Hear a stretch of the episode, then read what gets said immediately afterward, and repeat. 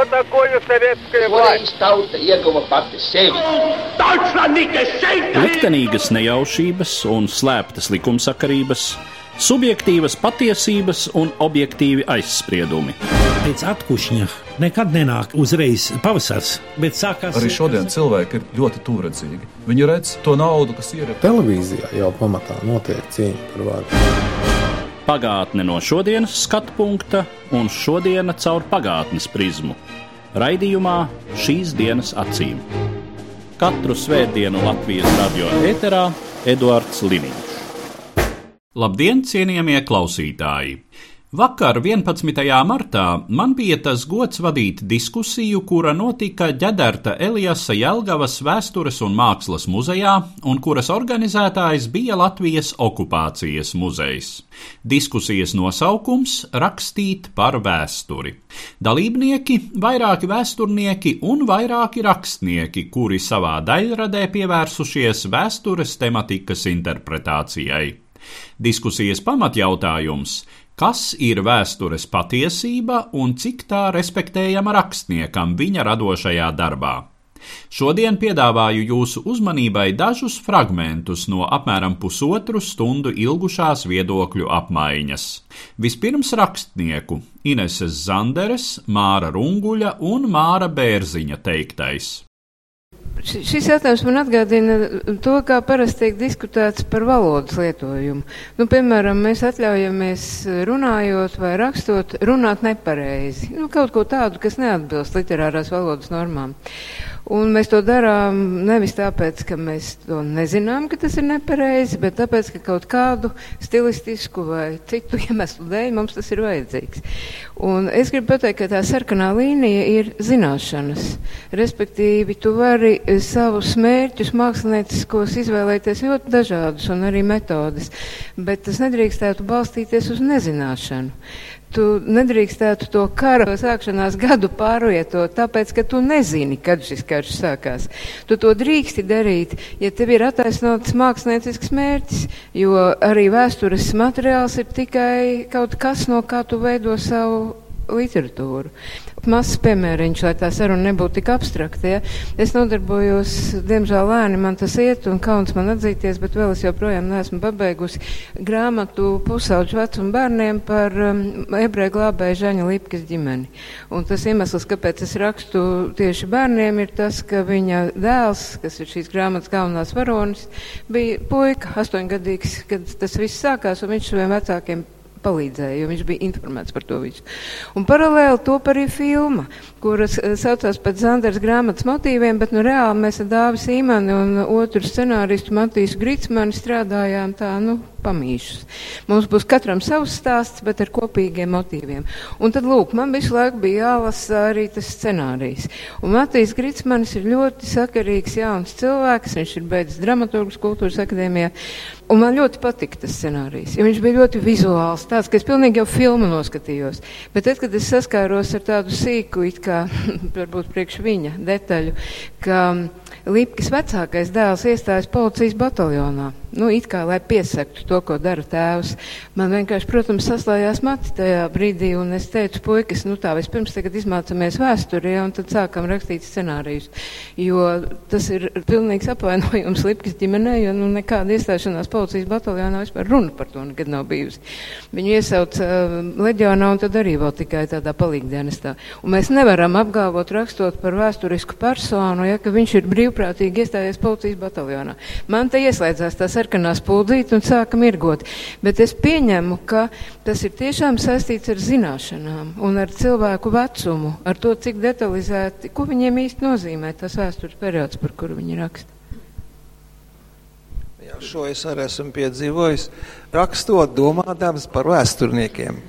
Un arī tagad es visu laiku jūtos ļoti neomulīgi, domājot par vēsturniekiem, cik viss atbilst vēsturiskām patiesībām. Nenoliedzam rakstniekam ļoti labs ceļš, kas arī slidens. Ceļš ir atmiņas.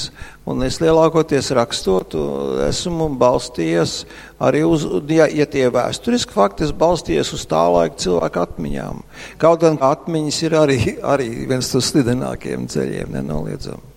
Tas ne tikai vien tāpēc ir, ka cilvēkam ir nu, atmiņa vāja, un viņš arī jaunu iespaidu iespaidā izdzēš iepriekšējos atmiņas vai failus, bet arī tāpēc, ka cilvēks un rakstnieks ar tā ir savu laika produkts, un viņš savā laikā ir nu, jau no bērna kājas iekšā stingri, viņam ļoti grūti izkāpt no savu laika rāmjārā. Es pavisam nesen pārlasīju Vizums Belševits billi daudz lietas ļoti interesanti un pat varētu teikt vēsturiski perfekti ir, ir ar bērnu muti izstāstīts. Viņas piedzīvojumi, Billi ir meitene, kas dzīvo Rīgā Grīziņkalnā, strādnieku nomals rajonā, un, un tur par kādu izrunāšanos, kur viņa vācu laikā skola ne, ne tā izrunājusies, viņa tur ar draudziniem savukārt runā, tad, nu, rakstniece runā ar bērnu muti, saka, ka, ja tā turpināsies, kad, nu, var nokļūt ātri Sauspils nometnē, kurā no bērniem tiek izsūkts viss asins. Un tas tā bērnam teikts. Un tagad, kā mūsu vēsturnieki ir centušies pierādīt to, ka faktiski nu, šis ir tāds uh, padomju propagandas uh, līdzeklis bija stāstīt par to, ka Sauspils nometnē tur asins bērniem sūkt. Es saku, es tikai gribēju pierādīt to, ka uh, faktiski rakstnieks un jebkurš cilvēks ir savulaik pilnīgs produkts un no tā izkāpt ļoti grūti ir vai neiespējami. Šeit es zinot, cik mums arī diezgan daudz materiālu ir par 40. gadu. Es, piemēram, gribu īstu citātu no Billes nocitēt par 40. gadu, kas faktiski ir tāds ļoti precīzs tēls, manuprāt, tā laika raksturojums. Bille dzīvo tālāk, ir tāda nodaļa naidi, un tur ir tāds teikums. Viss kā alaž lauku vasarās, tikai cilvēki savādāki, tādi naidīgi vai ne vairs gaišs, bet negribīgs labrīts, tiekoties šķīps skatiens, plāns, sakniepta mute. Nu, lūk, vai, vai labāk var pateikt par 40 gadu šķīps skatiens, sakniepta mute. Tas ir tēls. Rakstnieku prioritāte tomēr ir, nu, redzam viņu iespējas laiku tēlot bez tāda ļoti konkrēta faktu materiāla šeit ir ļoti spilgti. Rakstot romānu, literāts, protams, ka vispirms domā par savu literatūru, Taču, ja viņš raksta vēsturisko romānu, tad viņam savu literatūru ir tomēr jāieliek šajā vēsturisko faktu rāmī. Un es domāju, arī tādas mīlas ainas un kaut kādas romantiskas lietas, kuras varbūt kādam literātam gribas ļoti brīvi paust, tā teikt, upurējot vēsturiskās patiesības, tad es domāju, tas ir pārspīlēti, nepareizi, jo šīs literārās lietas var pēdiņās sakot, diezgan viegli piedzīt tam, lai viņas iekļautos šajā vēsturiskajā faktu rāmī. Piemēram, rakstot savu romānu, ne tikai lielās līnijas kaut kādas, bet arī ļoti detalizētas lietas nācās ievērot līdz pat tam, ka rakstot pārbaudi, vai cilvēki vispār tajā laikā tādus vārdus lietoja Bija arī dažādi, pat varbūt tādi nedaudz kuriozi gadījumi, kad nācās ne klātienē, bet neklātienē strīdēties ar citiem autoriem. Piemēram, man bija paredzēts, ka varonis strādās tirgu. 41. gadā Vācu okupācija, un viņš strādās tirgu. Un pēkšņi es izlasu kādu mūsu labi pazīstama literāta, cienījama grāmatā, karš sākās un Rīgā visi tirgi bija slēgti. Pirmkārt, man tas nedara. Otrakārt, es kaut kādā man neticās. Un es sāku pētīt periodiskos izdevumus un citus materiālus, un es redzu, ka tirgi strādāja. Kāpēc viņš to bija tā iedomājies, vai tā bija jau kaut kāda zināma augstprātība un paviršība, ka viņš bija tā bija ierakstījis. Kāds viņam varbūt tā bija pastāstījis, ja, un, un viņš to bija pieņēmis par baltu patiesību, bez pārbaudīšanas. Un, Es to vairāk kārtīgi pārbaudīju, un izrādās, šie tirgi strādāja, un es atvieglot uzelpoju, un mans varonis varēja darboties tajā tirgu. Bet ir vēl viena tēza. Ja mēs rūpīgi turēsimies, piemēram, pie kara laika leksikas, ja, Nu, ir jādomā par to, vai bērni mūs sapratīs, ja mēs rakstam bērniem. Mēs aizbraucām ar Māri abi divi atvērt viņa grāmatu Lapsu kalniņa mīklas uz Liepāju. Pilna zāle ar uh, skolniekiem. Viss brīnišķīgi saruna, viss pa pirmo bērni klausās, piedalās arī divi cilvēki, kas paši ir bijuši nacionālajie partizāni un viņa atbalstītāji. Un pašās beigās viens puika pacēja rociņu un prasa, Bet ko nozīmē partizāns? Viņš vispār vienkārši nezina vārdu partizāns. Ja? Mums ir jārēķinās ar to savu auditoriju, kurai mēs strādājam. Mums ir jābūt tik viltīgiem, ka no vienas puses ir saglabāta vēsturiskā patiesība, bet no otras puses viņi spēja uztvert tie, kam par šo vēstures periodu nav nekāda saprašanas. Turpinājumā diskusijā piedalījušos vēsturnieku sacītais uzklausiet okupācijas muzeja pētnieci Inesi Dreimani un Latvijas Universitātes vēstures un filozofijas fakultātes pasniedzējus Mārtiņu Mintauru un Ilgvaru Butuli. Ja es sākšu visu uzskaitīt, kas pēdējos, nu, vidēji desmit gados ir izraisījis vēsturniekiem, kam kuņģa krampjus, kam, teiksim, nepieciešamība atjaunot kādu nervu zāļu recepti, tad mēs te sēdēsim ļoti ilgi. Es varētu minēt dažus piemērus. Pirmais, tas attiecās uz 90. gadu beigām, kad uh, Kanādā iznāca latviešu izcelsmes rakstnieka Modra Ekšteina grāmata angļu valodā, ejot pretī rītausmai. It kā šajā grāmatā ir raksturota un attēlota autora uh, dzimtas dzīve. Es pat visu grāmatu neesmu lasījusi, bet man nācās saskarties ar konsekvencēm, jo grūti saprotam iemeslu dēļ Autoram ienāca prātā šai grāmatā iepīt kaut ko, kas Latvijas vēsturē vispār nekad nav noticis, proti tā saukto bezvācu holokaustu. Tā tad ebreja iznīcināšana laikā, kamēr Latvijas teritorija ir atstājusi sarkanā armija 41. gada jūnija beigās, jūlijas sākumā, bet vēl nav ieņēmis vācu karaspēks. Tātad spontānas pašiznīcināšanās akcijas. No sērijas atnāk vācieši, skatās, viss darbiņš jau padarīts, noplātīja rokas, aizgāja tālāk. Grāmata, kā jau teicu, iznāca angļu valodā, un ar viņu pirmkārt, protams, iepazinās lasītāji ārpus Latvijas. Un tad vienā jaukā dienā Latvijā ieradās Vizentāla centra pārstāvja Refraims Zurov priekšgalā, Viņi negāja uz, iedodies uz Rakstnieku savienību. Viņi gāja uz prokuratūru, viņi devās uz vēsturnieku komisiju, uz Latvijas okupācijas muzeju. Pārstāvis sejās bija steigsme. Mums jau sen bija aizdoms, ka jūs vēl kaut ko slēpjat nelieši tādi. Un tagad lūdzu pierādījumus. Pie jums ir noticis pašrocīgais, bez vācu, pašiem savus holokausts, lūdzu pierādījumus. Un vidēji gadu cilvēkiem nācās, un tieši zinātniekiem nācās ar to nodarboties, meklēt nēsošus pierādījumus, tiesību sargājušajām institūcijām nācās meklēt nēsošos noziegumu veicējus. Nu, paldies Dievam, šajā gadījumā, nu, mazākā gada laikā izdevās tikt skaidrībā, ka, lai nu kas te ir bijis laikā no 40. gada līdz 45. teiksim tā, bet, nu, bezvārds holokausts, paldies Dievam, mums ir gājis secen. Jautājums ir tikai viens, kāpēc šim cilvēkam ienāca prātā izpušķot savus kā nu dzimtas stāstu ar šo epizodi, to mēs neviens īsti nezinām. Varbūt, nu, lai Latvija kā neatpaliktu nu, no Lietuvas, no Polijas, tā teikt, nu, ja vieniem ir, tad jau mums arī vajag. Varbūt viņš tiešām neko nezināja, varbūt viņam tikai tā likās, bet, nu, rezultāts, un tas pat nebija tādā, nu, kaut kādā literārā izpratnē, bet lūk, kas notiek, ja saraksta muļķības. Un otrs piemērs, un tas bija tāds nedaudz sīkāks. Es kļūdas pēc iesaistījos nelielā mm, interneta polemikā attiecībā uz vienu no romāniem, kas iznāca sērijā Mēs Latvija 20. gadsimts, norādot uz diezgan, nu, diezgan būtiskām neprecizitātēm attiecībā uz notikumiem, kas ir piecerēti klāt 1940. gadam, sākot ar 17. jūniju. Es saņemu pretī komentāru no sērijas, nu, ko tu muļķi vispār saproti?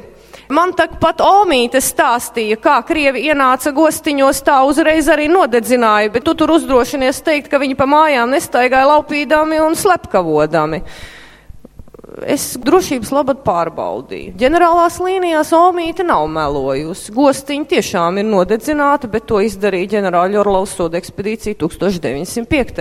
gadā. Lūk, tādā līmenī bieži vien cilvēkiem ir šī vēsturiskā izpratne.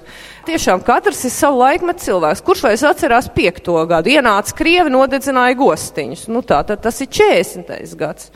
Vēl viens romāns, nu pat iznācis romāns Attiecībā uz zirgkopību viss kārtībā. Bet attiecībā uz to, kas ir noticis 1949. gada pavasarī, gatavojoties 25. marta deportācijai, nu es atvainojos, nu vājprāts. Un šeit būtu iespējams no visām šīm blēņām izvairīties, ja tāpat kā attiecībā uz hipodromu un sacīkšu zirgiem, autori konsultētos ar speciālistiem, arī vēstures jomā. Jo vēsturnieks tomēr pateiks, ka vietējā kaut kāda aizdunavas artelī pie galda trīs sēdoši pusbomži nevarēja paši sastādīt izsūtāmos sarakstus. Ne arī viens otru un kaimiņus un atriebības nolūkos tur rakstīt iekšā. Jo patiesībā sakot, šis romāns notiražē, vēl vienreiz notiražē un nostiprina cilvēku apziņā šo nepareizo mītu, par paši viens otru arestējām, paši viens otru stučījām, paši viens otru izsūtījām. It kā PSRS drošības dienestiem, tātad NKVD, NKGB un MGB ar to nebūtu nekāda sakara. Un tā ir tā milzīgā problēma. Acīm redzot, vēsture netiek uzskatīta par kaut ko vērā ņēmamu. Un vēsturiskajos faktos cilvēkiem neienāk prātā veidojot mākslas darbus, ņemt vērā to, ka nu, tomēr uh, ir atšķirība. Viņi nekonsultējas ar speciālistiem un toties izmanto demagoģiju, ka ja kaut kas nav varējis notikt, tas nenozīmē, ka tas nav noticis. Vispār nē, ja kaut kas nav noticis, tad tas nav noticis. Un ja kaut kas ir noticis, tad tas ir noticis noteiktos laikos vai noteiktos apstākļos. Jā, turpinot par to pašu tēmu, es arī nesaukšu piemērus, kurus varētu saukt, nu, sākot ar klasiskajiem Rīgas sargiem. Uh, un, un tam līdzīgu produkciju. Bet uh, man šķiet, ka kāpēc cilvēki tik ļoti paļaujas ne tikai uz atmiņu, un tas jau nebūtu slikti, ka paļaujas uz atmiņu, bet paļaujas uz tām klišējām, kas tiek tiražētas un uz tiem priekšstatiem, kas ir izveidojušies par konkrētu laika posmu. Es domāju, ka Latvijas gadījumā iespējams tas ir vairāk izteikts nekā dažos citos gadījumos, ka ir vēl viens priekšstats, stereotips par vēstures rakstīšanu un par vēsturniekiem, ko, teiksim, pieklājīgā sabiedrībā kā šeit skaļi neteiks. Proti, ka vēsturnieks jau vienmēr raksta tā, kā viņam liek rakstīt, vai tā kā paprasīs, vai tā kā prasīs attiecīgais režīms, vai nu paša vēsturnieka teikt, pielīšanas instinkta dēļ, vai arī tāpēc, ka viņam, viņam liek tā darīt. Ja? Un tāpēc ir izveidojies priekšstats, kā Ines eh, precīzi teica par to, ka mana omīte stāstīja vai vectēvs stāstīja, un ko jūs man mācat, es taču zinu. Līdz ar to ir zināma neusticība pret vēsturnieku, un tāpēc neiet un nekonsultējās, ja, kaut gan to vajadzētu darīt. Jo vienmēr ir par rokai attaisnojošs iemesls, ka vēsturnieki vienmēr ir kalpojuši varai, un tāpēc nu, šodien viņi stāsta vienu, pirms 20 gadiem stāstīja kaut ko citu, un pēc pieciem gadiem varbūt vēl kaut ko citu stāstīs. Un tāpēc eh, cilvēkam, kurš raksta kinofilmu scenāriju vai, teiksim, teiksim, literāru darbu. Dažkārt ir viegls attaisnojums neaiziet nepajautāt tam pašam vēsturniekam, tāpēc, ka zinām jau, kā vēsturnieki strādā. Ja? Bet tas ir iespējams, ka tas ir tādēļ, ka tā ir mūsu tā 20. gadsimta pieredze un pieredze ar oficiālo vēsturi, ko mācīja skolās un ko sludināja arī vēsturnieki. Man viegli teikt, es tajā laikā nesludināju. Un to vēsturi, kas bija mājās un par ko zināja par nacionālajiem partizāniem un par izsūtīšanām par visu citu vēsturisko pieredzi, kas, teiksim, oficiāli nekur neeksistēja tajā oficiālā līmenī. Godātie rakstnieki un rakstnieki vispār viņiem ir viena priekšrocība, ka viņu darbi par vēsturi daudzkārt ir iedarbīgāki nekā vēsturnieka darbi, diemžēl, no mūsu viedokļa. Ja? Tāpēc, ka rakstnieki raksta saistoši. Daudzkārt mūsu darbi, kas ir zinātniski pareizi un pamatoti un ar tūkstošu atsaucēm, teiksim, lasītāju masā un nu, plašai publikai ir gandrīz vai nebaudām. Tāpēc arī paškritiski jāatzīst, ka mēs nevienmēr vēsturnieki un pat daudzkārt mēs tos pētījumus neprotam pasniegt saistoši. Tā ir viena lieta. Otra lieta, ko es šai sakarībā gribētu teikt, un arī, ja jau reiz te runā ļaudis par savu pieredzi, Pirms vairākiem gadiem bija tāda izrāde jaunajā teātrī Vectēvs ar Vili Daudziņu un trīs novelas, kā dažādi kara laikā šie cilvēki, viens vienā pusē, viens otrā un vēl viens pa vidu, kā viņi, teiksim, reaģē. Viss ļoti jauki un ar daudziņu spējām patiešām iespaidīgi izrāda. Bet mani vienkārši vienā brīdī sāk tracināt tas, ka nu, šeit klāt nēsošie prominenti teātri kritiķi teica tā, ka kaut kas tāds, kāda ir šī izrāde, vēsturnieka darbs un pētījumi ir nulle. Tātad īstais ir viss šajās trīs atmiņās. Nu, un es ņēmu un uzrakstīju tādu kā pretrakstu, jo šeit ir divas bīstamas lietas, manuprāt.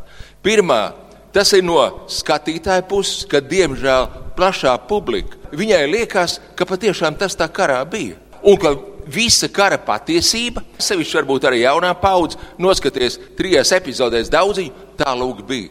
Bet viss bija tik sarežģīti un nevar būt trijās epizodēs ielikt kara patiesību. Un, ja man rāda pēc kara jau leģionāri, kurš imantā savā dzīvokļa logā tur kaškrustu karogu. Es nezinu, es nepazīstu tādu leģionāru, es pazīstu daudzus. Es nesaku, ka tāds nevar būt. Tāds var būt, bet tāpēc nedrīkst absolutizēt.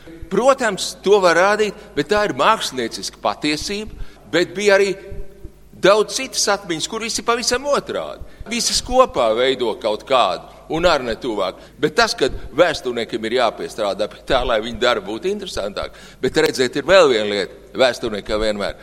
Tas ir mūsu amata svēta lieta. Atsaukties uz tiem dokumentiem. Bet, ja grāmatās, ja viens vienkārši normāls lasītājs paņem, viņš domā, viņš taču neizlasa tos sīkos pekstiņus tur apakšā. Viņi vispār neinteresē tās daudzos gadījumos. Tēmu turpina Inese Zandere. Protams, ka akadēmiskie darbi plašām lasītājām masām nekad nebūs uh, lasām viela, bet zinātniskais darbs ir zinātniskais darbs, un viņam tādam ir jābūt. Tas, kas pietrūkst ļoti acīm redzot, ir tā nākošā gradācija, un tas ir populāra zinātniska literatūra, kas nav daļliteratūra nekādā gadījumā, kas ir vienkārši prasmīgi izstāstīt eseju formātā vai kādā citā interesantā veidā no vēsturnieku viedokļa nevainojama informācija, kas balstās balstās uz pētījumiem. Trešais žanrs, kas arī nav ne literatūra, ne pētījums, tā ir atmiņu memoāru literatūra, kuru nevajadzētu identificēt arī ar um, literāriem darbiem. Starp citu, Eksteins, es domāju, kaut kur ir pa vidu tajās kategorijās. Eksteins nekādā ziņā nav tā literatūra, ne viņam tāda ievirz, ne arī tāda izglītība. Viņš jau vispār būtībā vēsturnieks. Latviešu valodā šī grāmata sen jau ir izlasāma un var pats katrs spriest par to postu. Un tad visbeidzot ir tā literatūra, kurā nekādi pārmetumi, sarkanās līnijas un vēsturnieku sašutums, tās rakstnieku rokas nesasies. Tur nu vienkārši nekāda cita iespēja nepastāv, kā lasīt, sašust, nosodīt, nepieņemt vai kā, bet tik un tā tā literatūra ies savu ceļu. Un visa nelēma ir tieši tādā apstāklī, kāpēc mēs tik ļoti tagad uztraucamies par tiem daļdarbiem, ka mums ir vāji attīstīts tas vidējais posms, tā populārzinātniskā literatūra. It īpaši par to ir jāuztraucās uh, skolas vecuma bērnu sakarā, jo pasaulē, protams, ir daudz, daudz vairāk grāmatu, kas veltīti vēstures jautājumiem nekā Latvijā bērniem. Un tas, ko izlasa bērnībā, tas paliek atmiņā uz mūžu. Es tiešām nezinu, vai es pa seno Eģiptu atceros vēl kaut ko citu, kā to, ko es lasīju bērnībā tādā padomju grāmatā e Eģiptiešu zēnu stāsts. Vienu dienu Eģiptiešu zēnu Visu atceros, kas tur bija. Ja, piemēram, es izlasīju kaut kādā mm, jaukā grāmatā, tas gan nav par vēsturi, bet kaut kur, ka griezes iet kājām uz siltajām zemēm, ka viņas nelido. Un es tam ticēju līdz apmēram 35 gadu vecumam, kad man beidzot viens tuvu stāvošs biologs pajautāja, kad tu pēdējo reizi redzēji, ka viņas iet pār Lielupas tiltu. Tādēļ, eh, ko rakstīt bērniem par vēsturi un kā viņiem to pasniegt, tā ir vēl viena problēma un atsevišķs vēl viens uh, starpžānrs. Un tikai tad, kad visas uh, šīs lietas kopā veidos to ainu, tad tā būs tāda normāla situācija. Līdz tādai mēs pagaidām vēl neesam nonākuši. Ines, bet vai tev ir kāds spilgts piemērs, kad tev tomēr šķiet, ka ir šauts tavu kolēģu gadījumā pāri sarkanajām līnijām? Man drīzāk ir tāda sāpe par to, ka nevienmēr kolēģiem ir izdevies tikt pāri savienojumu vietai, redzamai negludai robežai starp eh, mēģinājumu izmantot tos vēsturiskos faktus un rakstīt savu cilvēcisko brīvi radīto stāstu. Es to visvairāk attiecinu uz Ingas Ābels darbiem, kaut gan viņi abas man ir atstājuši ļoti spēcīgu iespēju, un es dēļ tām neprecizitātēm neatsakos nepavisam uzskatīt to par labu literatūru, bet gan klūgu mūkā es ļoti cietu no tā, cik spilgti un cik aizraujoši Inga iztēlojas un cik maz un neveikli tur tomēr parādās, teiksim, reālās vēstures fakti. Un tas pats ir tagad ar Dunu. Es to grāmatu izlasīju, protams, vienā rāvienā, jo man ļoti interesē gan tēma, gan arī lokācija, varētu teikt, Dunavā konkrētā vietā. Ja? Bet Inga netika pāri savam jaunatklāsmes priekam. Viņa tik ļoti ar tādu sajūsmu uzņēmusi tik daudzas lietas, kuras viņa līdz tam nav zinājusi, un pārstāsta tās grāmatā, ka līdz ar to atkal rodas tāda fragmentēšanās sajūta tajās vietās, kur viņa raksta no sevis, nemokoties ar šiem interesantiem vēstures pārstāstiem, grāmatu uzreiz uzņem tādu ātrumu un kļūst emocionāli. Tiklīdz viņi atkal sāk stāstīt visas tās lietas, kas ir ļoti interesantas, atkal viss nobremzējās un tā. Ir šausmīgi grūti tikt pāri tam vēstures faktu atzinājumam atteikties no viņiem, pārvarēt viņus, kaut kā pārstrādāt viņus. Mēs jau aizraujamies ar to, ko mēs neesam līdz tam zinājuši. Un tas uzvaras prieks, ka tagad es to zinu, tas drusciņi, drusciņi paliek padeni tam rakstniekam darbā. Un noslēgumā vēl pāris fragmenti no vēsturnieku Mārtiņa Mintaura un Ineses Dreimanes sacītā. Es domāju, ka tā pretruna starp vēstures rakstītājiem un literatūras rakstītājiem, sauksim to tā, nav tajā, kā, kā viens vai otrs attēlo notikumus, bet tas jebkurā gadījumā ir jautājums par atbildību. Ja mēs rakstām par vēsturi, ja mēs rakstām par pagātni, tad tas ir varbūt triviāli sakot savādāk nekā, kad mēs projektējam zvaigžņu karu, sižetus vai rakstam zinātnisko fantastiku vēstures un pagātnes aprakstīšanas vai raksturošanas gadījumā tas pirmām kārtām ir jautājums par atbildību, un tāpēc vēsturniekam vienmēr arī ieslēdzas, protams, savā veidā sarkanā lampiņa, tad, kad mēs dzirdam tekstu, un tad es paņēmu vēstures materiālu, un vēsture man kalpoja kā materiāls. Bieži, teiksim, no vēsturnieks šajā brīdī kļūst piesardzīgs un domā, labi, tu esi paņēmis, dargais kolēģi, vēstures materiālu, paskatīsimies, kas no tā iznāk. Ja? Kāds tas materiāls pārveidosies gala rezultātā. Tāpēc galvenā lieta ir uh, saglabāt to uh, sarkano līniju, kas ir saistīta tieši ar atbildību pret stāstu par pagātni. Jo nav jau tādas vēstures patiesības un literatūras patiesības, vai vēstures patiesības un mākslas patiesības, bet ir cilvēciska patiesība abos gadījumos. Un tas pretstatījums ir drusku pēc padomju schēmas starp fiziķiem un liriķiem, ja, kuriem ir taisnība attiecībā uz realitāti. Bet realitāte pamatā ir uh, cilvēciska. Un tā ir cilvēka pieredze un, un notikumi, kas attiecas uz dzīviem cilvēkiem un attiecās pagātnē uz dzīviem cilvēkiem un ietekmē arī šodienu.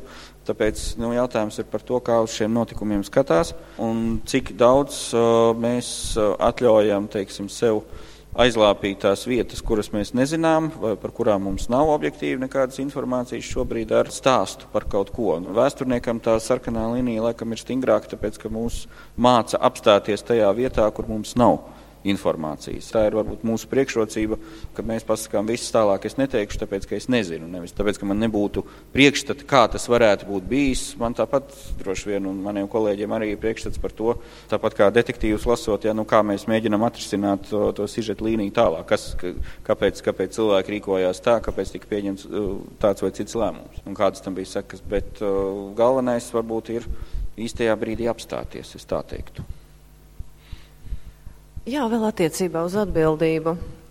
Galu galā aiz eh, jebkura mm, sižeta, aiz jebkura literāra pavērsiena, varbūt eh, noklusējuma vai gluži otrādi sižeta sabiezinājuma, aiz tā visa tomēr kaut kur stāv tas reālais notikums. Tas, kā tas īsti ir bijis vairāk vai mazāk patiesībā. Un, principā, nu, nav jau arī tā, ka vēsturnieki, nu, vismaz es varu, protams, izteikties tikai attiecībā uz sevi, nav jau tā, ka viņi ļoti bezskaislīgi, vienaldzīga tāda grāmatveža mm, sejas izteiksme un pilnīgi bez kaut kādām jūtām iet cauri pētījumiem. Gluži otrādi, man arī bija tā, ka man ir jānoliek papīra malā, man ir jāaiziet uz brīdi ārā no arhīva, man ir jāpiet apkārt lasītavai, jāuzpīpē, jāatnāk atpakaļ. Man reizēm mājās ir jāaiziet uz dažām dienām vispār no iedziļināšanās materiālā. Jo tad, kad es redzu fotogrāfijas, kad manā priekšā ir 50, 60 fotogrāfijas, un es zinu, ka mana cerība uz to, ka kaut viens no viņiem būs palicis dzīves, nav attaisnojusies tad man nav ne mazākās vēlēšanās kādam no viņiem vēl piedzējot viņa dzīvē, kaut ko klāt, ielikt viņu vēl dziļākā nometnē. Teiksim, nu, ja man būtu jāveido kaut kāds literārs moments vai kaut kas tam līdzīgs. Jo tā ideja pati, ka tas cilvēks, kas uz tevi skatās no 30. gadu fotografijas vai no pēc aresta, vēl ar, vēl ar tīru seju, vēl bez, bez tā teikt, cietumnieka apģērba, tu zini, ka viņš neatgriezīsies. Viņš nekad neatgriezīsies no tā cietuma tad nav nekādas vajadzības vēl piedzējot tur kaut ko nogriešanu vai nociršanu vai divus nāves sodus. Nu, pietiek vienu. Šie bija fragmenti no Latvijas okupācijas muzeja organizētās diskusijas, kas 11. martā notika Ģedarta Elijasa Jelgavas vēstures un mākslas muzejā. Dzirdējāt diskusijas dalībniekus, rakstniekus Māri Bērziņu, Māri Runguli un Inesi Zanderi, kā arī vēsturniekus Ilgvaru Butuli, Inesi Dreimani un Mārtiņu Mintauru. Diskusijas organizatore Elīna Kalniņa. Uz redzēšanos, cienījamie klausītāji! Katru svētdienu Latvijas radio viens par pagātni sarunājas Eduards Liniņš.